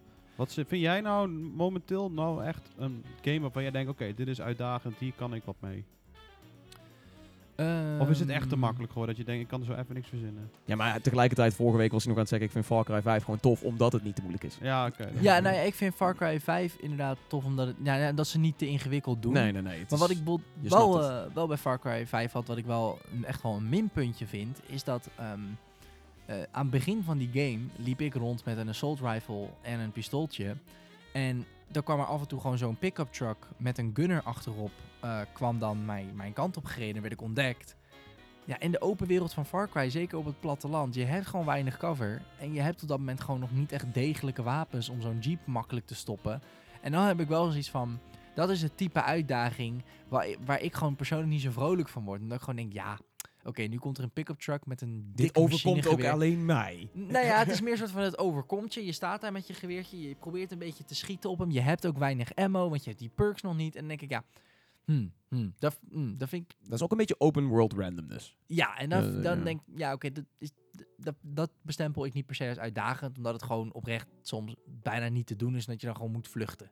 En dat is niet echt de premise van de game. Far Cry is niet echt een game waar je vlucht. Je bent aan het sneaken of je bent iedereen kapot aan het knallen. Dat is een beetje Ja. hun ding. Vluchten niet echt. Hunt or be hunted. Mm, Ja, het is niet zoals Assassin's Creed, zeker in deel 1, dat je dan assassinate en dan ook echt gaat vluchten voor de guards. Dat is natuurlijk, weet je, dat was de premise in dat deel. Dus ja, als je vraagt, wat vind ik echt een moeilijke game nu? Weinig. Er zijn weinig games waarvan ik, eh, ehm, en dat bedoel ik met moeilijk, dat ik echt denk van, oh lekker. Wat een heerlijke uitdaging. Ja, dus uitdagend. Dus niet zozeer Ja. moeilijk, want moeilijk heeft een beetje een negatieve connotatie. maar dan maar zou ik inderdaad- zeggen, uitdagend is wel uitdagend ja. inderdaad van, oh, dat ik echt denk van, oké, ja, ik vind het niet erg om dood te gaan, want ik vind het leuk om dit te leren. Of, Ja. of oeh, ik moet nu wel echt, ik kan niet zomaar gaan schieten. Ik moet ook over nadenken wie ik op welke volgorde wanneer knal. Dat, ja, Maar je bent, ook, niet- je bent ook niet Hmm. echt actief op zoek naar die games, volgens mij. nee, nee, ik dus vind... dat is, Nou, dat ik wel. maakt... ja, ja, goed, jij, maar jij hebt is- er dan ook echt een nek voor, weet je wel. Ja, nee, want ik vind, ik vind dat soort games wel vet. Maar wat ik zeg, een uitdagende game maken vind ik echt een kunst als ontwikkelaar. Ik vind het Ja. echt knap als je van zoiets als Dark Souls... en dat mensen dat ook massaal spelen omdat het uitdagend is. Dat echt chapeau. Dat vind ik knap. Want heel vaak Ja. heb je dan natuurlijk al snel dat mensen zo zijn van... eh, het is uitdagend en moeilijk, a.k.a. het is gewoon onmogelijk en het is gewoon niet over nagedacht. Het is de Dark Souls van puntje, puntje. Ja, Ja, maar wat is ja. een soort van, what the fuck, is dit wel getest, joh? Want het is onmogelijk en Broken, kut en- broken, is is maar- broken. Ik vind, Ja. ja. de Dark Souls doet dat, maar ik vind het ook knap dat bijvoorbeeld een Cuphead het ook voor elkaar heeft gekregen. Dat was Ja. mijn... Ik, ik, want ik zat te denken van, wat is dan de titel die voor mij precies die uitdaging eh, verleende? Ik heb dan zoiets van, Cuphead is dan Ja. waarschijnlijk dat. En Into the Breach. Maar en vergeet is- ook eh, Ja. een eh, Ori niet. Die was heel mooi, maar die was ook Ja. best wel pittig. Ik denk dat je sowieso de Metroidvania en de, de eh, roguelike eh, renaissance kun je wel zeggen dat dat ook een beetje in dat gat speelt. Van wil je uitdaging? Hier, je hebt roguelikes en je hebt Metroidvania's en dat is gewoon lekker old school, Ja. eh, pittig. En op de leuke die, manier. die. Cup, Cuphead, wat je ook noemt, de, de, de, echt de uitdagende platformer, is natuurlijk ook wel echt een genre op zich. Ja, nou, dat is, De, de Meat Boy Cuphead is natuurlijk wel iets minder een platformer omdat het een echt zo'n run-and-gun game is. Maar het, Ja, is, het, het speelt wel een beetje in op, op die oude vibe van zeg Battletoads en Contra. Juist. Gewoon, eh, je loopt naar rechts en, eh, en, en probeer maar eens te overleven. Ja, precies. Ja. Ja, nee, ik, eh, ik vind het leuk. Ik ben er inderdaad niet per se actief naar op zoek, maar ehm, ja, in de Heb, je- mainstream... heb je Cuphead wel geprobeerd, ook? Ja, ik heb het wel even gespeeld. Veel te Ehm, moeilijk niet voor mij. Nee, ja, nou ja, ik weet niet. Ik, ik, ik, ben, ik hou niet heel erg van, van, van, eh, van zo'n ja, 2D-platformers, run-and-gun-achtig. Ik ben ook... Ik, hou, ik vind bijvoorbeeld Super Mario Bros. ook heel saai. Oh, oh, zo kun je dat zomaar zeggen hier. Dat is echt heel anti-game, maar ik, Zo. Zeker multiplayer. We, we- ik, op de, op de, de Wii-versie heb ik best wel veel thuis. En de Wii U-versie best wel veel thuis gespeeld met mijn eh huisgenoten en met mijn vriendin. Maar ik word daar gek van. Je moet, ik, ik kan dat niet serieus spelen. Want ik, iedereen, zit elkaar, iedereen zit elkaar in de weg te springen. En je springt op elkaars hoofd. En ik, ik ga er om lachen hoor. Als ik melig ben, heb ik ook zoiets van ja, scheid. Maar mijn huisgenoot kan dat bijvoorbeeld echt bloedserieus gewoon door die platformen heen gaan. En echt gewoon proberen dat level zo snel mogelijk te halen. Heb ik niks mee. Ik weet niet. Hm, mijn Je ding. stelt je ook niet echt heel erg open op voor, eh, voor een uitdaging. Gezien Mario ook natuurlijk altijd wel een beetje die uitdaging kent. Het vinden Ja. van alle manen in Odyssey. Ja, maar dat vind ik anders. Dat vind ik een heel ander soort uitdaging. Er zijn, Ja. ik, daarom zeg ik, ik denk dat er heel verschillende soorten uitdagingen zijn. Dat het ook echt gewoon kunst is. En ik ben ook niet per se naar op zoek. Het is meer gewoon dat ik denk, ja, hm, misschien vinden we het ook wel moeilijk om games moeilijk te maken. Wauw. Wauw. Wauw. Wat een uitsmijter. Ja, Ja. echt hè? Holy Goeie af- goeie afsluiter ook. Eh, heel snel nog Amador dan. Wat is een beetje jouw uitdagende game van de afgelopen tijd? Zonder Dark Souls of Bloodborne te noemen, want het zijn natuurlijk de inkoppertjes. Jezus. Ja, ik heb ook heel veel Cup- Cuphead gespeeld. En ik zit daadwerkelijk ook nog vast bij de laatste twee bazen. Same. ja, ja, die zijn echt... Poh. Kutspel. Eh, ja, kutspel. Moeilijk, kut game broken. nou, ja, ik, ik hou er inderdaad heel erg van, van Dark Souls en dat soort dingen. Nio ben ik ook mee bezig. Het is een beetje hetzelfde pakje aan. Ehm, maar inderdaad, ja, buiten die games om is alles wel redelijk oké te doen. Hmm. Ja, dit- dit niet- ja, ja. dat bedoel ik. Het is moeilijk om er één te noemen. Het is moeilijk om één te noemen, niet, behalve dan degene die daadwerkelijk op de bekend staan. En dat het Ja. doodgaan, en het vele, vele doodgaan bij een Dark Souls wel aan de beleving eh, bijdraagt. Dat je denkt van oké, fuck, ik heb deze, ik, ik moet zijn patronen leren van zo'n baas. Ja. Eh, volgende keer doe ik dit, dit en dit. En dan is het ook zo reward. Dat vind ik zo leuk aan de wat moeilijkere games. Is dat het veel reward meer beloont. Het gevoel als Ja. je zo'n... Want toen ik die laatste baas versloeg bij Dark Souls 3, ik heb echt op de bank staan springen. Wat. Dan heb ik er zo lang vastgezeten. Je ging even full-on Tom Cruise bij Oprah. Ja, precies. Ja, inderdaad. Lauw. Ou- Oude reference, maar... Ja, ja, ik weet hem dus. Eh, gelukkig, ik denk de meeste luisteraars ook wel. Ja. Ehm, dus eh, ja, ik, ik hoop inderdaad wel dat meer, meer eh, ontwikkelaars wel wat, wat pittigere gameplay Wat pit in hun game. Ik denk wel dat het terugkomt. Om, zeker ook met hoe... Ligt aan het genre. Dus sowieso ligt aan het genre, maar je merkt wel Dark Souls is natuurlijk best wel populair. ja, er is een Ehm, renaissance van... eh, hey, games mogen weer moeilijk zijn. Ja, maar die nieuwe God of War, als ik hem zo zie... lijkt ook me wel dat- Dark Souls Ja, maar dat lijkt me ook niet een hele makkelijke game hoor. Ik Nee, denk niet dat je daar met, met, met twee vingers in je neus zomaar doorheen gaat. Het zal geen Dark Souls zijn, maar ik denk wel dat hij wat meer aan de pittige kant ligt. Ik hoop ook het. op het God of War spectrum. Ik heb het, eh, een con-collega erover gesproken. Die had hem eh, de avond ervoor eh, uitgespeeld. Die heeft er wel een week of twee over gedaan. Casual spelen dan, maar twee weekjes. Dus dat is, dat Ja, is, dat niet, dat is niet je achtbaanrit van acht uur en that's it. Nee. Dus. Ik zit eh, qua moeilijke game of uitdagende game zit ik dus te denken Into the Breach. Maar ik denk om iets Hm. minders te noemen dat een XCOM 2 mij de uitdaging biedt. Die Dus ik, op zich ik ook zoek. nog wel pittig ja, hoor. Ja. En, dat en sowieso alles met een beetje roguelike permadeath eh, heeft dat ook wel, maar in minder epische maat. Ik denk dat XCOM 2 wel echt iets heeft wat die maakt het je opzettelijk lekker moeilijk en dat vind ik wel fijn. Ja. Ja. Ik vind het zo fijn om dan weet je, de gamers net redactie als team te hebben en Ja. dan één voor één te zien sterven en dan ga ik ze episch vertellen hoe ze zijn gestorven. Eh, Het is mooi.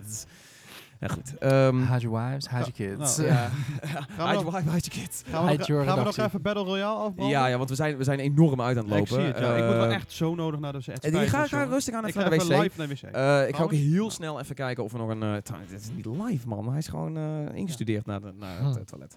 Ehm, we hebben helaas geen mailtje ontvangen. Dat is denk ik ook alleen maar goed, want we zijn enorm uit aan het lopen. Het is, eh, dit is Oh. blijkbaar de, het, het uit, uitloop driehoekje wat we hier hebben. Amador Ja. Salem en eh, yours truly.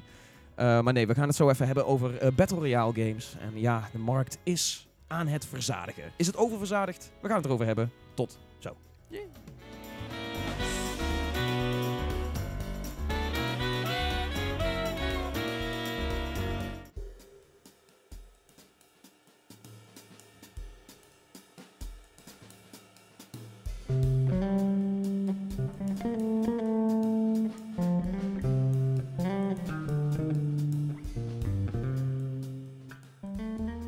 Wat een, eh, wat een lekker bedje. Ja, vind ik ook. Het is wel eh, smooth. Smooth jazz. Smooth AF. Do you like jazz? D- ja, dat... ja, you like jazz. Ehm, Battle Royale. Het, ik denk dat het een beetje het eh, meest eh, overbesproken eh, onderwerp is. Misschien wel bij de Games en Podcast. Maar het, God, het wat staat ons... games goed. Ja, het, dat is het natuurlijk ook het punt dat we het er vaker over hebben. Het heeft, het heeft Peter vorig jaar gegrepen. Het heeft mij eind vorig jaar eh, eindelijk gegrepen. Eh, en in mijn geval was het PlayerUnknown's Battlegrounds. En we hebben het al vaak gehad over de, over de tweedeling. Want het zijn natuurlijk twee giganten waar je uit kunt kiezen. Dus het is Ja. Fortnite of, of eh PlayerUnknown's Battlegrounds, PUBG voor vrienden. Inmiddels zijn er meer kleine Battle Royales aan het komen. Maar natuurlijk, met die twee die Ja. er zijn, die gigantisch veel succes boeken. Toen zaten wij natuurlijk met z'n allen van, hier gaan er meer van verschijnen. 2018 wordt het jaar van, van de Battle Royale. Maar het duurt nog... Het duurt wel lang. Het, het duurt naar mijn idee te lang voordat een AAA-developer erop inspringt. En ik begin, ook het, te, het- ik begin er nu een beetje achter te komen dat het, het window voor een goede Battle Royale is alweer een beetje aan het sluiten. De deur stond even op een kier van kijk jongens, we kunnen, je kunt, nu kun je kans maken met een dikke Battle Royale. De, eh, Twitch staat er vol mee, YouTube staat er vol mee. Je, je gaat dik scoren met een Battle Royale. Het gebeurt niet echt vanuit de AAA-developers. En nu beginnen zoveel kleine studio's er een uit te pompen dat je denkt van misschien zijn we wel weer moe voordat een Ubisoft zegt hey, hier is een Ja, grote maar Battle dat Royale vraag game. ik me dus ook gewoon af. Ehm, er is een hele grote doelgroep voor Battle Royale. Er is bijvoorbeeld ook een hele grote doelgroep voor eh, pff, The Division. Om ook nog even wat te noemen. Ja. Maar En komt zo meteen de Division 2 uit. En dan denk ik, ja, heeft het... Als je het marketingteam bent achter Division 2... denk ik echt van, ja, heeft het nut? Zeker natuurlijk omdat die game waarschijnlijk pas in 2019 uitkomt. Heb je toch zoiets van, heeft het nut dan om Battle Royale in te voegen in deze game? Gaat dat echt ervoor zorgen dat die gigantengroep van PUBG en Fortnite naar de Division, sneller naar de Division grijpt? Ik denk eerder dat je- Nee. dat denk ik namelijk helemaal nee, nee, niet. nee. Want je speelt, als je nu een Battle Royale speelt, speel je het niet vanuit een modus. Het is vaak de game Juist, zelf. het is echt de Fortnite Ja, of de PUBG maar game. dat wil niet zeggen dat het niet bij kan dragen aan een game die niet primair een Battle Royale is. Want ik zou, ik zou eerlijk zeggen, eh, de Division 1, de Dark Zone, eh, en later ook de survival modus, hebben een beetje die kernelementen van wat een Battle Royale sterk maakt. Dus Ja. het zou daar heel mooi in een nieuwe de Division 2 Dark Zone, zou heel erg makkelijk, dat ze echt eens een keer goed kijken naar PlayerUnknown's Battlegrounds. Wat maakt dat heet? Wat maakt dat, dat het die adrenaline door je lichaam pompt?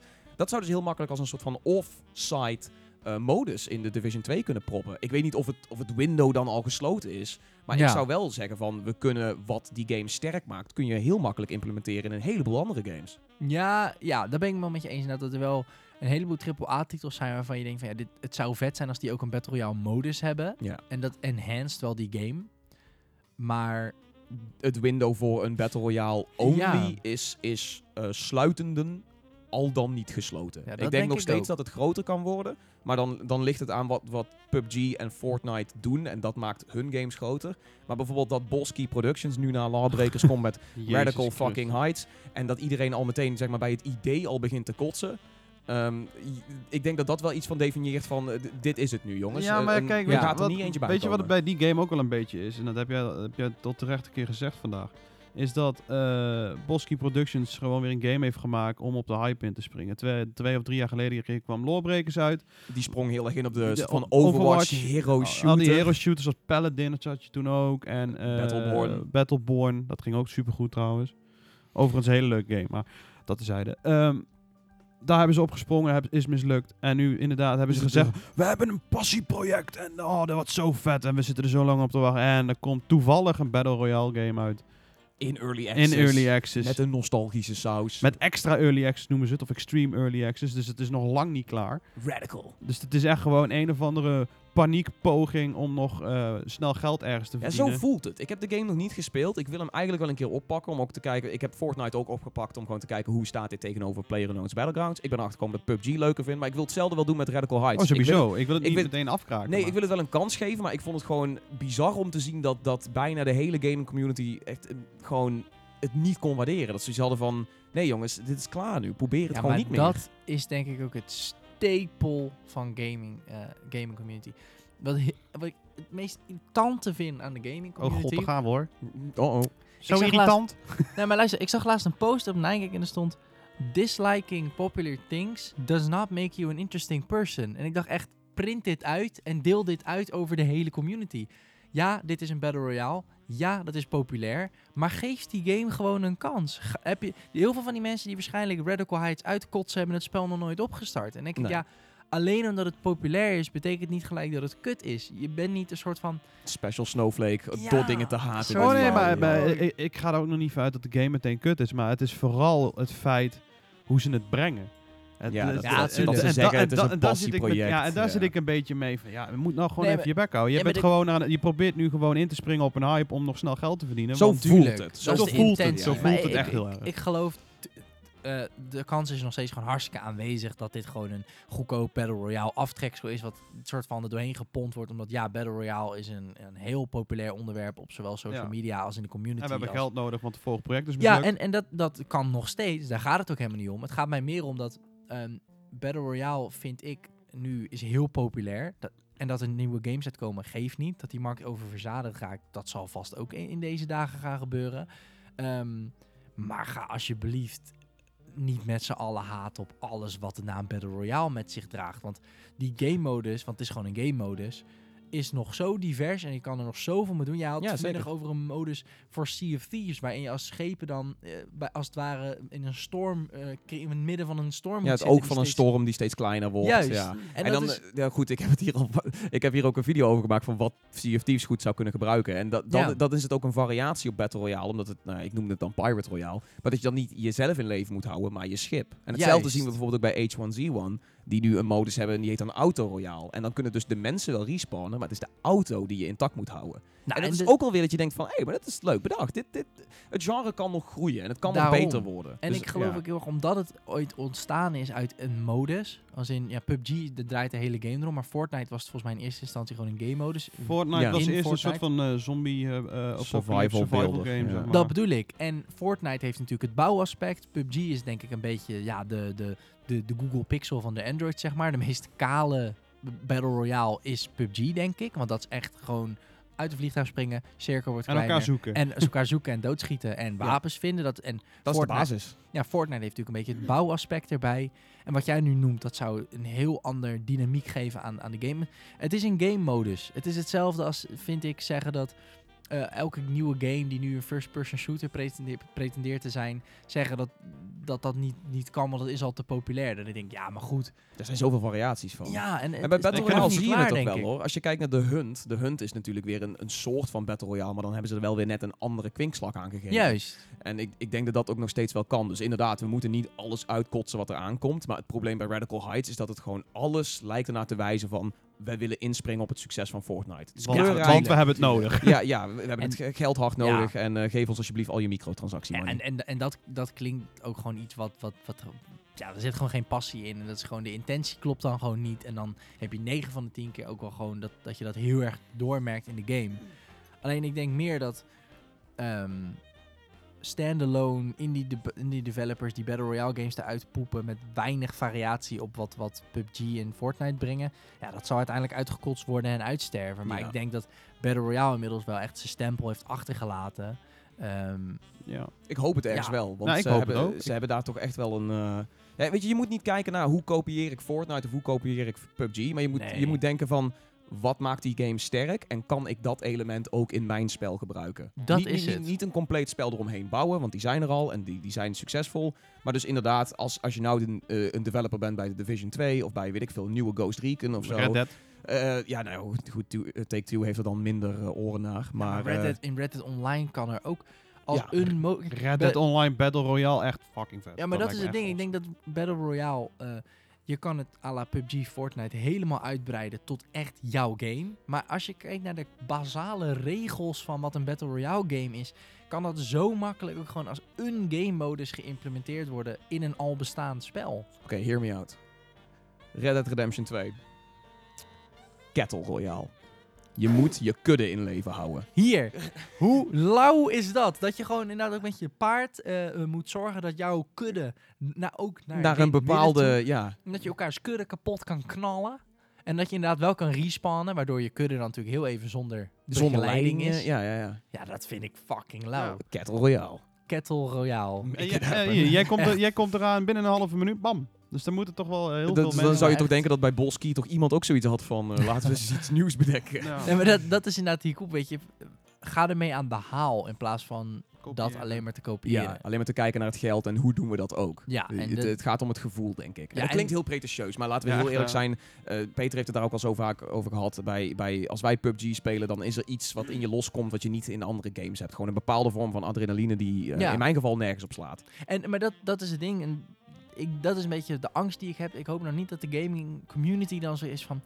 "Eh, Red Dead heeft ook Battle Royale. Dan ga ik echt niet opstarten hoor, want iedereen doet dat. En, oh kijk eens, ik, ik, ik ben helemaal anders. Oh, Special Snowflake. flikker op, start het gewoon op. En voor hetzelfde wat jij nou zegt, zoiets als Battle Royale. Ik denk echt dat je spijt hebt als je dat dan niet opstart. En dat je denkt, oh nee, er zit Royale in, ik hoef het niet. Nee, Ik zou hem helemaal kapot spelen. Ja, dat zou zo vet zijn, ook gewoon met vrienden. Om dan gewoon elkaars kudde kapot te knallen of te moeten beschermen. Ja. Ik vond het een heel dom idee, maar naarmate ik, Nee, er, meer over, idee naarmate ik er meer over nadenk, denk ik van Stel, wij, stel wij Ja. zijn drie cowboys en we moeten tien koeien in het leven houden. En er lopen nog tien andere groepen die hetzelfde moeten doen. Dat dat is toch vet? Dat klinkt Ja. wel- dat heeft misschien Eentje iets. moet dan op die koeien een beetje omheen eh, lopen, dat ze een beetje bij elkaar Iemand kan beschermen van afstand. Je hebt long range, short Iemand range. gaat scouten, kijken waar de andere kuddes zijn. Zoveel potentie erin, je wil niet weten. Ja. Jezelf, je kan ook jezelf moeilijker verstoppen met een kudde. Je kan natuurlijk ook, je kudde staat er, maar dan is natuurlijk de vraag, ja, ik zie die koeien wel, maar waar zijn de cowboys? Ja. Nou, nieuw element, Ja, dit is, dit is tactische shit. Rockstar. Make it happen. Ja. Eh, en, en sowieso zou de woordgrap gewoon een mooie sneer zijn naar, naar het oververzadigen van een genre wat nu gaat. dat zie ik Rockstar ook nog wel doen. Ja, die, willen, precies. no- die willen nog wel eens heel erg, zeker in GTA natuurlijk, altijd Meta, inspelen op de... Rockstar wil altijd apart doen. Ook, ook, Ja. ze, ze hebben ook gewoon scheidhekel aan E3's. Weet je wat, we hebben een game, die gaan we lekker op- ons eentje lekker eh, bekendmaken. E3 is Ja, die belangrijk. macht hebben ze Dus- natuurlijk ook Ja, die hebben ze ook. En hebben ze ook zij nu zeggen, volgende week komt er een trailer van Red Dead, dan... dan ontploft de wereld net zo hard als dat met E3 zou zijn. Ja, Ja, Dus dat, daarom. eh, Servers crashen, shit gaat kapot. Ja, echt hè. Vet lauw. Rockstar make it Battle happen. Royale. Awesome. I Ja. wanna play that shit. Maar goed, ik, ik, ik ben heel erg benieuwd of er mensen zijn die nu luisteren en denken... eh, Flikker op, ik hoor de Royaal. Ik, Ja. eh, ik wil het niet meer zien, Ja, haal maar het dat weg. is het. Dat is toch stom. Dan heb je nu de rest van deze podcast niet geluisterd. Ja. wel. Ja. God, wat inhoudelijk en enerverend. Ja. Wat genuanceerd, jongens. Of, wat ik ook benieuwd ben, misschien dat onze luisteraars zelf wel een leuke versie hebben van een Royale game. Ja, Ja. pi- pi- pitch ons je Battle Royale modus in een andere game In een of game. een eigen andere game gewoon. Welke Ja. game moet zoiets gewoon nog krijgen? Nou ja, goed, dit, dit is een onderwerp wat we eerder ook al hebben aangesneden. Maar omdat het nu dus aan het oververzadigen is, ja, je bent er toch alweer heel snel aan het fantaseren over. Dus eh, Ja, ik hoop ook dat, dat, dat we dat ook misschien wel een beetje kunnen blijven Ja, het kan natuurlijk twee kanten op gaan. Of het oververzadigt en het bloed dood.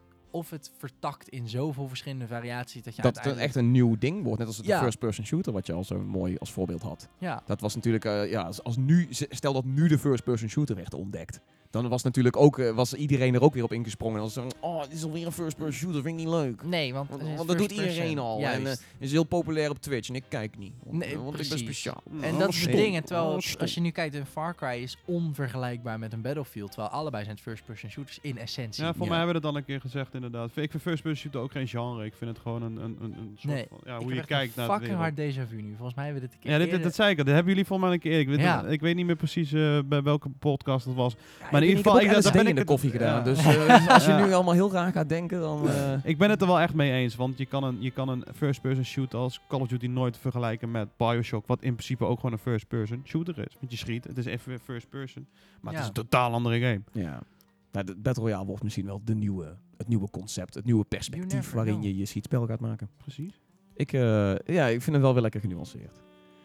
Ik denk dat we zo langzaam zeker eh, op een einde uitdraven. Zijn, eh, Dan zijn, ga eh, jij ook altijd iets smoeler praten. Ik ga altijd een beetje eh, iets voelen praten. Ik wil iedereen in ieder geval eh, bedanken voor het luisteren naar de Gamersnet podcast. En we waarderen elke luisteraar. En natuurlijk, als je dit luistert en je denkt van, oh, dat was eigenlijk best wel gaaf.